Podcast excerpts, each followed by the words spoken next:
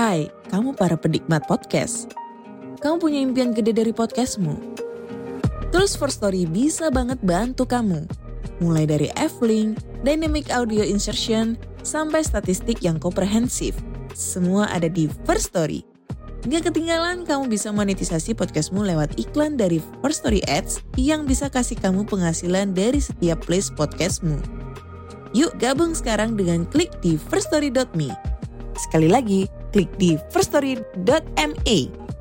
Mari kita bawa mimpi podcastingmu menjadi kenyataan. Podcast ini bekerja sama dengan First Story. Kalau kalian belum pernah dengar First Story, ini adalah platform palu gada baru yang paling keren dan memiliki fitur yang lengkap. Dan yang paling menarik, podcastmu bisa dimonetasi loh. Tunggu apa lagi? Yuk buruan, gapai potensi maksimal podcastmu dengan tools dari platform hosting terbaik untuk para podcaster. Daftarkan sekarang di firststory.me. Dijamin gratis.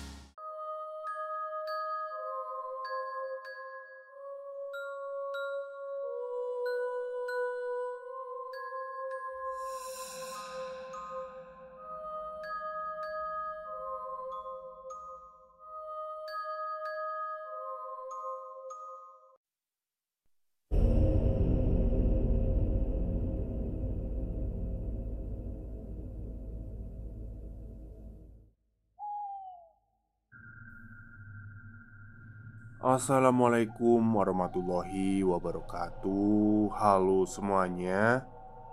Jumpa lagi dengan saya Chow Sing Sing Kurator dari Podcast Horror Night Story. Halo apa kabar semuanya? Semoga Kalian semua Sehat-sehat ya. Dan seperti biasanya pada Siang hari ini saya kembali dan akan menghadirkan sebuah kisah mistis untuk kalian semua. Kisah mistis kali ini saya datangkan dari treat horornya Mas Simple Man yang berjudul Surup. Surup itu kalau bahasa Indonesia atau dalam bahasa Jawanya itu gini. Pergantian antara sore dan eh siang dan malam ya. Jadi pergantian antara cerah dan petang kayak gitulah. Ya antara asyar dan maghrib gitu. Oke daripada kita berlama-lama, mari kita simak ceritanya. Cerita ini diambil dari pengalaman seorang perempuan bersama saudarinya. Dia mengalami batas kengerian yang selama ini menjadi borok di dalam keluarganya. Mereka tidak mengetahui hal ini sampai akhirnya terbongkar semua bahwa ada sesuatu yang mendekam di dalam rumah mereka peringatan. Bila saya luput dan teledor karena tidak sengaja menyebutkan clue tempat dan lain hal, tolong disimpan untuk diri sendiri saja. Ya, tweet ini sewaktu-waktu bisa saya hapus bila sudah dirasa tidak nyaman bagi saya sendiri. Terakhir, Kalian boleh membaca cerita ini dari awal lagi. Kalau yang sebelumnya sudah pernah saya buat Tapi tidak saya lanjutkan. Waktu itu Hari sudah mulai petang. Orang menyebutnya sebagai surup. Sendakala berputarnya waktu dari siang ke malam, dari terang ke gelap, dan pada jam-jam seperti itu, sesuatu yang asing sedang merayap keluar. Waktu yang tepat menyembunyikan anak-anak dari sosok yang tak kasat mata. Kulo niki asline saka keluarga sing gak gak neko. Bapak, Ibu, Pak D, Bule, Simba, kabeh niku wong apik. Aku percaya iku, Mas. Tapi ini saya terjemahkan ya. Saya saya ini sebenarnya berasal dari keluarga yang tidak macam-macam Ayah, ibu, paman, bibi, kakek semuanya orang baik mas Tapi Memang Dari garis keturunan kakek Beliau adalah pendatang Yang kemudian menikah dengan nenek asli Jawa. Usaha keluarga itu berdagang. Gak ada yang aneh, gak ada yang ganjil Sampai Pak D membawa perempuan itu. Perempuan yang nanti jadi bude saya Saat itu Hanif masih duduk di bangku SMP kelas 7 Setelah sholat bersama keluarga Mereka menuju ke pawon atau dapur di sana ada meja makan tempat anggota keluarga berkumpul. Hanif menjadi yang terakhir datang. Namun, saat dia akan duduk, bapak melihat ke arahnya. "Nak, Pak Demu belum pulang. Tolong panggilkan Budemu. Sudah waktunya untuk makan." Hanif terdiam lama. Dia seperti melamun, namun kemudian gadis kecil ini mengangguk berjalan pergi. Kamar Pak D berada di sisi kanan bila berjalan dari arah dapur. Langit sudah gelap, terlihat dari celah-celah genteng tua. Gadis kecil ini lagi-lagi melamun, ada perasaan ragu. Bagian yang paling tidak disukai dari rumah ini adalah kamar milik Pak D. Apalagi bila harus masuk. Hanif sudah berdiri di muka pintu kayu. Dia terdiam di sana, memandang tuas pintu untuk beberapa saat sebelum memberanikan diri untuk mengetuk. Tok, tok, tok, tak ada jawaban. Bude, ini Hanif. Sudah waktunya untuk makan, Bude. Masih tidak ada jawaban. Ah, mungkin Bude sedang tidur. Pikir Hanif waktu itu. Namun, dari dalam dia mendengar nafas mendengus seperti mengeram. Anehnya, meski terdengar kasar, namun sejatinya suara itu begitu halus Seperti masuk ke telinga dengan cara lembut Hanif berhenti. Ia lalu mendorong pintu perlahan. Kamar Bude memang gelap. Hanif sudah hafal Karena biasanya Pak D yang menyalakan lampu. Sudah lama ia ingin tahu kenapa Bude suka sekali dengan keadaan kamar yang gelap gulita seperti ini. Namun, pertanyaan itu ia urungkan karena tak tahu harus bertanya kepada siapa. Di sana, meski dalam keadaan gelap, ada sedikit cahaya dari lampu di luar yang masuk lewat jendela. Hanif melihat Bude sedang tidur, namun kondisi tubuhnya ganjil. Ia meringkuk seperti orang kedinginan di sudut kasur kapuknya. Hanif hanya diam. Suara mengeram itu berasal dari sana. Aroma lembab, dingin lantai tekel, dan bau apek dari debu Hanif sangat membenci kamar ini. Ia tak tahu alasan sebenarnya selain alasan-alasan tersebut. Namun, kondisi di dalam kamar ini begitu mencekam. Siapa pun pasti merinding, apalagi bila orang tahu seperti apa Bude itu. Bude, Bude, panggil Hanif. Kakinya berjalan sedikit demi sedikit mendekat. Kasur kapuk disangga dengan ranjang besi berkarat, namun masih terlihat kokoh. Bude masih meringkuk di sana, mengeram persis seperti orang yang kedinginan. Hanif masih berusaha memanggil pelan, pelan, pelan.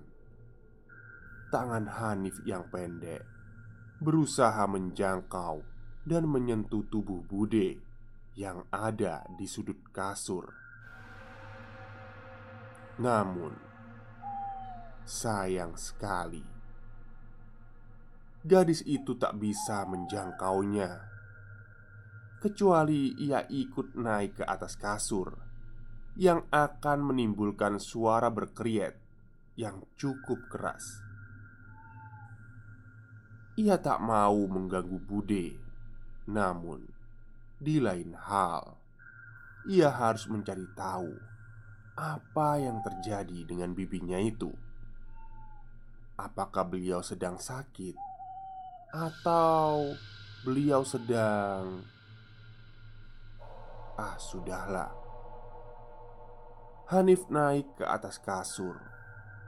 Suara kriet panjang terdengar. Namun Bude seperti tak peduli. Ia masih mengeram sendirian di sudut itu. Tangan kecil Hanif menyentuh punggung Bude ada yang aneh. Saat Hanif menyentuh punggungnya, kulit yang terbungkus kain itu entah kenapa terasa begitu dingin. Hanif terdiam sejenak, sedangkan Bude ia tiba-tiba tak lagi mengerang. Tubuhnya diam tak bergerak Hanif semakin merasa aneh. Bude, bapak nyuruh saya. Bude masih diam, diam seperti patung. Selang beberapa saat, dia berniat membalik muka, tapi terdengar suara seperti orang yang sedang bergumam kesal, marah. Hanif tak bisa mendengar dengan jelas. Hanif bergerak mundur. Dia mulai merasa takut. Nak, Bude boleh minta tolong. Hanif masih diam. Suara Bude terdengar lain Samar-samar serak Hanif tak menjawab Nah, sini mendekat. Gak usah takut. Ke sini kamu. Hanif Yang mematung di atas kasur lalu tergiur. Saat Hanif mulai merangkak di atas kasur Mendekati Bude. Tangan keriput yang sedari tadi hanya diam Tiba-tiba mencengkram lengan Hanif Tapi Sebelum melihat wajah Bude Telapak tangan seseorang tiba-tiba menutup mata Hanif. Dia menarik Hanif sebelum menggendongnya Menjauh. Hal yang terjadi selanjutnya adalah Hanif melihat Pak D menutup pintu kamar. Dia bilang, "Bude sedang tidak enak badan, jadi dia belum bisa bergabung dengan yang lain." Pak D meminta Hanif agar kembali dengan yang lain, sementara beliau sendiri kemudian masuk ke dalam kamar. Sesaat sebelum pintu tertutup, Hanif bisa melihat wajah Bude dengan raut wajah keriput serta rambut panjang acak-acakan. Melihat Hanif melotot, namun ia tersenyum menyeringai persis seperti wajah nenek-nenek di film-film horor. Tapi Hanif tak pernah menceritakan kejadian ini. Simpang siur tentang keanehan Bude sebenarnya tak hanya jadi perbincangan keluarga, tapi tetangga-tetangga desa pernah ada dua orang warga yang saat itu sedang jaga malam. Saat melewati area kuburan, mereka mengaku melihat seorang wanita bergaun putih berjalan sendirian. Takut terjadi hal-hal yang tak diinginkan, mereka pun mengikuti. Kebetulan hari itu ada warga sepuh yang baru saja meninggal entah bagaimana di salah satu kuburan. Mereka menemukan wanita ini berjongkok. Posenya terlihat seperti sedang berdoa. Merasa ada yang janggal, mereka berjalan mendekat, menghindari kesalahpahaman dua orang warga ini mereka sepakat berjalan pelan, berusaha tak menimbulkan suara sambil memutar agar bisa melihat siapa dan apa yang sedang dilakukan oleh seorang wanita malam-malam seperti ini. Saat itulah mereka yakin mereka melihat Wanita yang ada di kuburan itu adalah Bude. Bude sedang berjongkok, sedangkan kedua tangannya menjumputi tanah kuburan, lalu memasukkannya ke dalam mulut, melahapnya seolah-olah itu adalah nasi putih di atas sebuah piring. Sebenarnya, Semenjak cerita itu tersebar, banyak orang mengaku tidak percaya. Tapi sayang, lebih banyak orang yang percaya dengan cerita itu. Hanif dan keluarga sendiri tak tahu harus bereaksi seperti apa. Namun Pak D mengatakan bahwa hal itu tidak benar. Tidak Sampai perlahan-lahan semua mulai menyadari keanehannya. Hanif, Isti, dan seluruh anggota keluarga sedang duduk di atas meja makan. Lauk dan nasi tersaji di hadapan mereka. Namun hanya Bude seorang yang melihat kami semua makan dengan ekspresi wajah kosong. Nasi di atas piring tak disentuhnya sama sekali sampai menjadi dingin.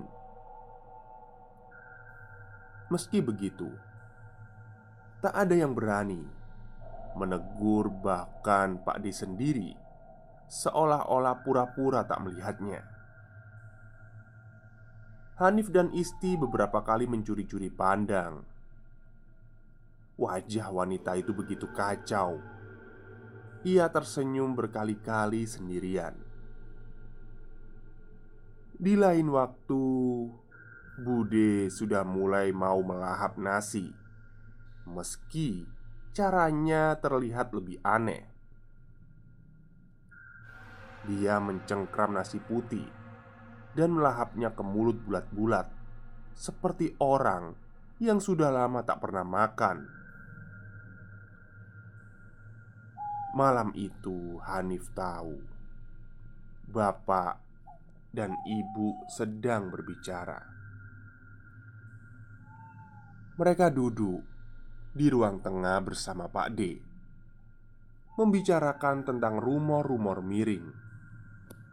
Namun, Pak D bersikeras bahwa istrinya hanya sedang sakit karena usaha Pak D yang baru saja bangkrut. Ditambah ia juga baru saja kehilangan jabang bayinya. Ia meminta waktu setidaknya untuk sembuh. Namun, puncak dari segala masalah ini adalah saat bapak dan ibu menemukan Bude sedang merobek daging berwarna kemerahan dari seekor perut kucing malang yang ada di tengah-tengah lorong.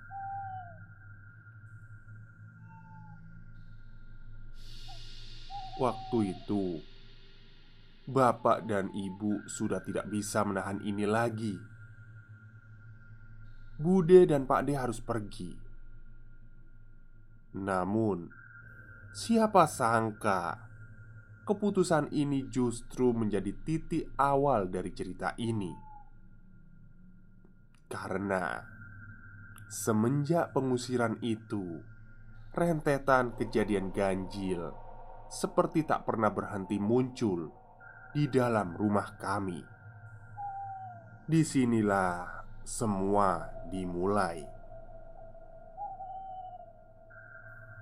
Nak, kamu gak pulang? Gak kangen sama Bibi? Semua saudara kita sepakat Rumah ini adalah hak kalian Pulang ya nak Biar rumah gak kosong Kosong gimana sih, Bi? Pak D dan Bude bukannya tinggal di situ. Wanita di ujung telepon berhenti sebentar. Hening cukup lama sebelum ia berkata, "Pak D, baru saja nggak ada." "Nggak ada gimana?" tanya Isti. Di sampingnya duduk Hanif yang tak kalah terkejut mendengarnya. Panjang ceritanya. Pulang dulu ya. Isti mematikan telepon, melihat kakaknya yang menunggu jawaban.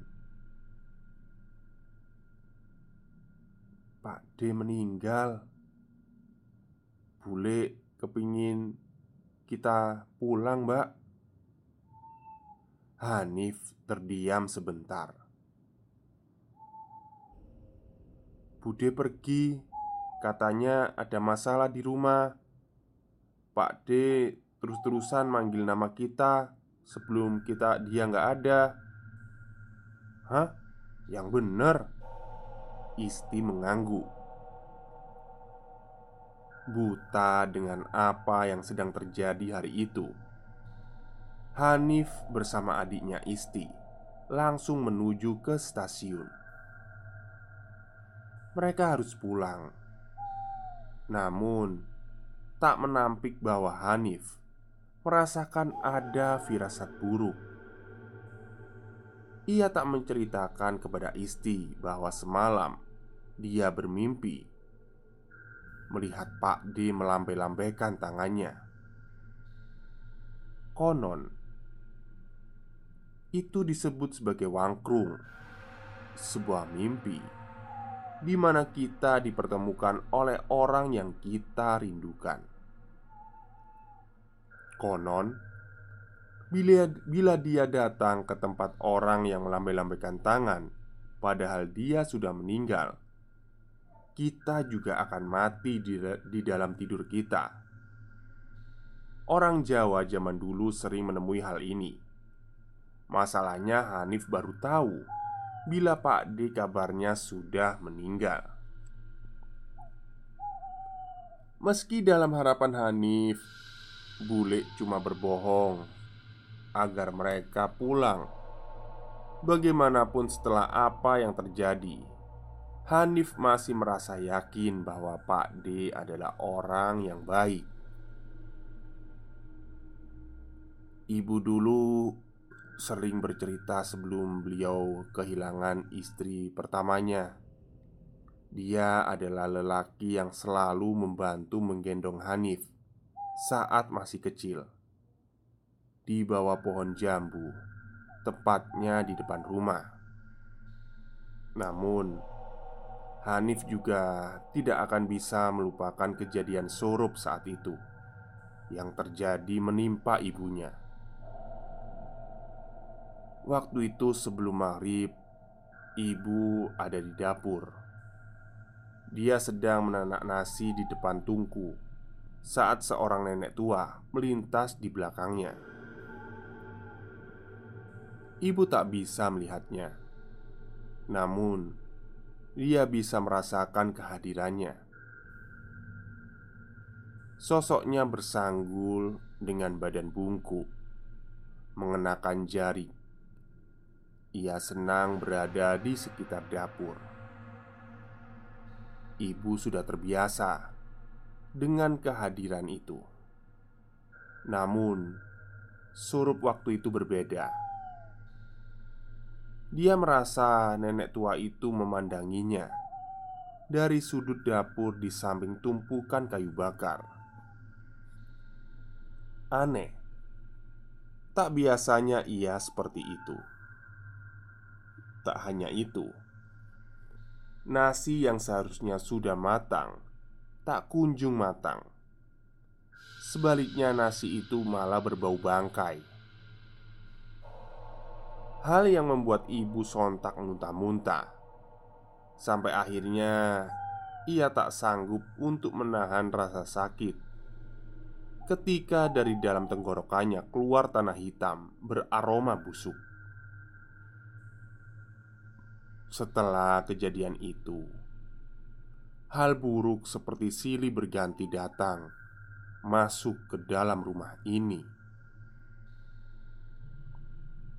Ibu yang hanya bisa terbaring di atas kasur mulai merasa bahwa ada sesuatu yang begitu hitam tinggal di rumah ini.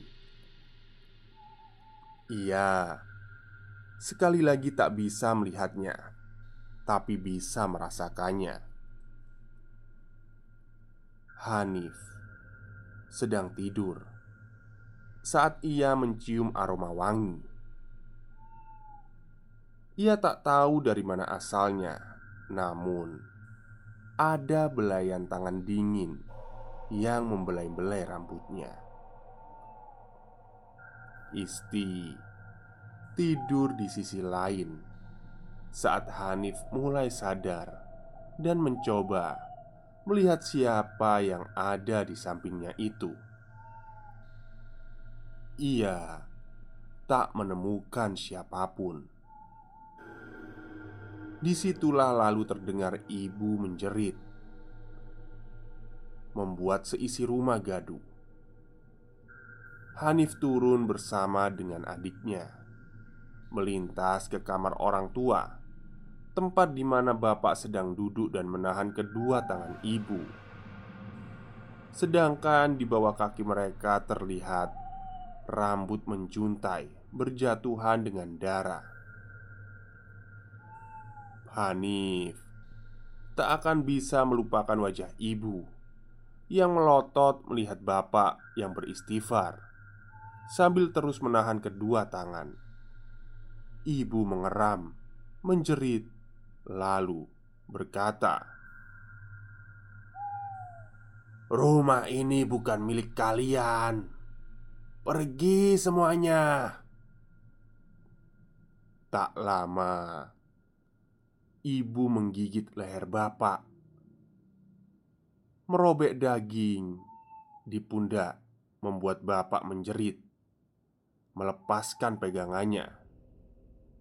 Sementara sobekan daging yang tipis itu dikunyah bulat-bulat sebelum ibu menelannya lalu memuntahkannya. Malam itu, ibu terlihat seperti orang yang sinting. Bapak akhirnya memanggil teman baiknya yang bisa melihat sesuatu yang tak kasat mata. Saat beliau masuk ke kamar ibu, lelaki parubaya itu tak henti-hentinya menatap ke langit sambil sesekali seperti membaca sesuatu, namun yang paling membuat Hanif penasaran adalah ketika ia berkata, "Rumah ini tidak benar." Perlahan-lahan, semakin banyak tabunya. Ada yang pernah puasa surup ya di sini. Puasa surup. Hanif yang meskipun masih kecil, ia bisa menangkap raut wajah dari bapak yang berubah. Sembari menyisir rambut ibu yang hanya bisa menangis ditemani oleh Isti. Bapak menarik lengan temannya, lalu mengajak dia bicara empat mata. Bapak menyembunyikan sesuatu. Tak lama lelaki parubaya itu menuju kamar Pak D. Belum juga pintu itu terbuka Si lelaki itu langsung menutup hidung.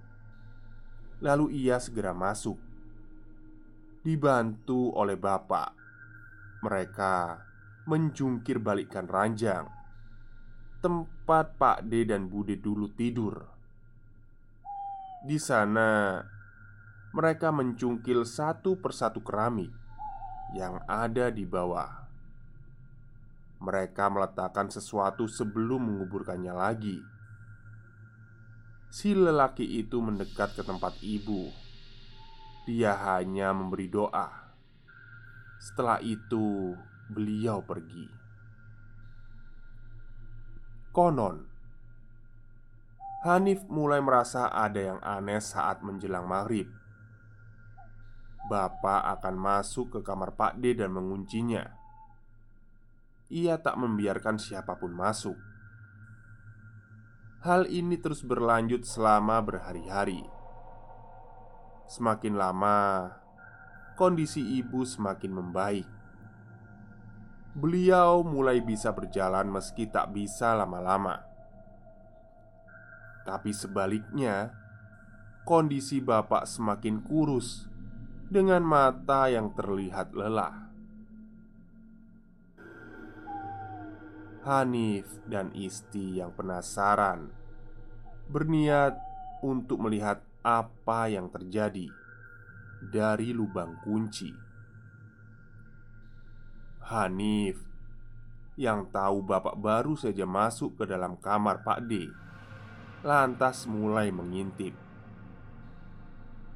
Di sana ia melihat Pak D sedang berdiri membelakangi pintu Menatap ke arah jendela Yang juga terkunci Dengan gorden berwarna putih Mereka tak tahu apa yang sedang dilakukan oleh Bapak Kemudian Bapak mulai menggoyangkan badan Serta kedua kakinya.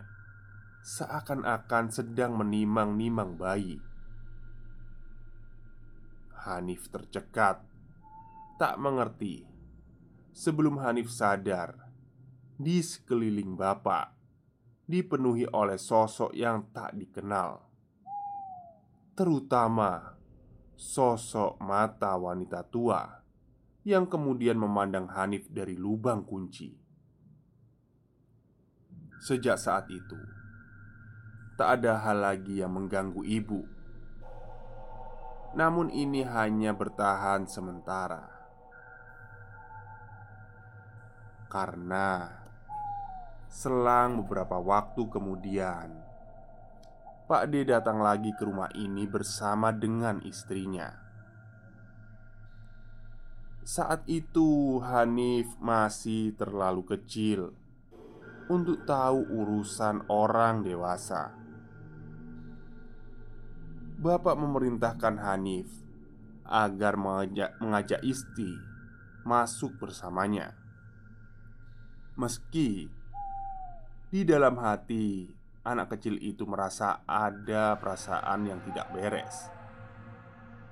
Namun Hanif tidak bisa melakukan apa-apa selain hanya menurut kepada bapaknya itu. Apalagi saat itu Hanif melihat kilatan mata bapak. Ia seperti marah. Rasanya bagi Hanif sendiri ini adalah kali pertama ia melihat bapak bersikap seperti itu. Apalagi di depan saudara kandungnya sendiri. Namun, bukan Hanif bila tidak bersikap sedikit nakal. Dari balik sebuah tirai yang tidak jauh dari sudut kiri lorong, Hanif berusaha menguping. Isti adiknya mencoba mengingatkan bahwa apa yang mereka lakukan terlalu berbahaya. Namun Hanif abai dengan peringatan dari adiknya itu. Berkali-kali Isti memperingatkan bahwa ia merasakan ada firasat yang tidak enak. Isti menarik-narik baju kakaknya itu. Sesekali ia kembali mencoba mengingatkan agar lebih baik mereka tidak ikut campur dengan urusan semua ini. Namun, Hanif sudah dirundung rasa penasaran yang tak bisa dibendung lagi. Di titik terjauh dari posisi kedua orang tua yang sedang duduk membicarakan sesuatu, dua anak kecil ini berusaha mendengar apa yang sebenarnya sedang dibicarakan oleh Bapak, Ibu, Pak D, dan Bude. Oke, itulah sepenggal cerita ya dari Surup karya dari Mas Simpleman. Dan karena ini panjang, kemungkinan akan saya bagi menjadi tiga bagian jadi, kalian tunggu saja bagian selanjutnya, karena ini adalah bagian pertama dari treat surup milik Simple Man. Baik, mungkin itu saja untuk cerita siang hari ini. Kurang lebihnya, saya mohon maaf. Wassalamualaikum warahmatullahi wabarakatuh.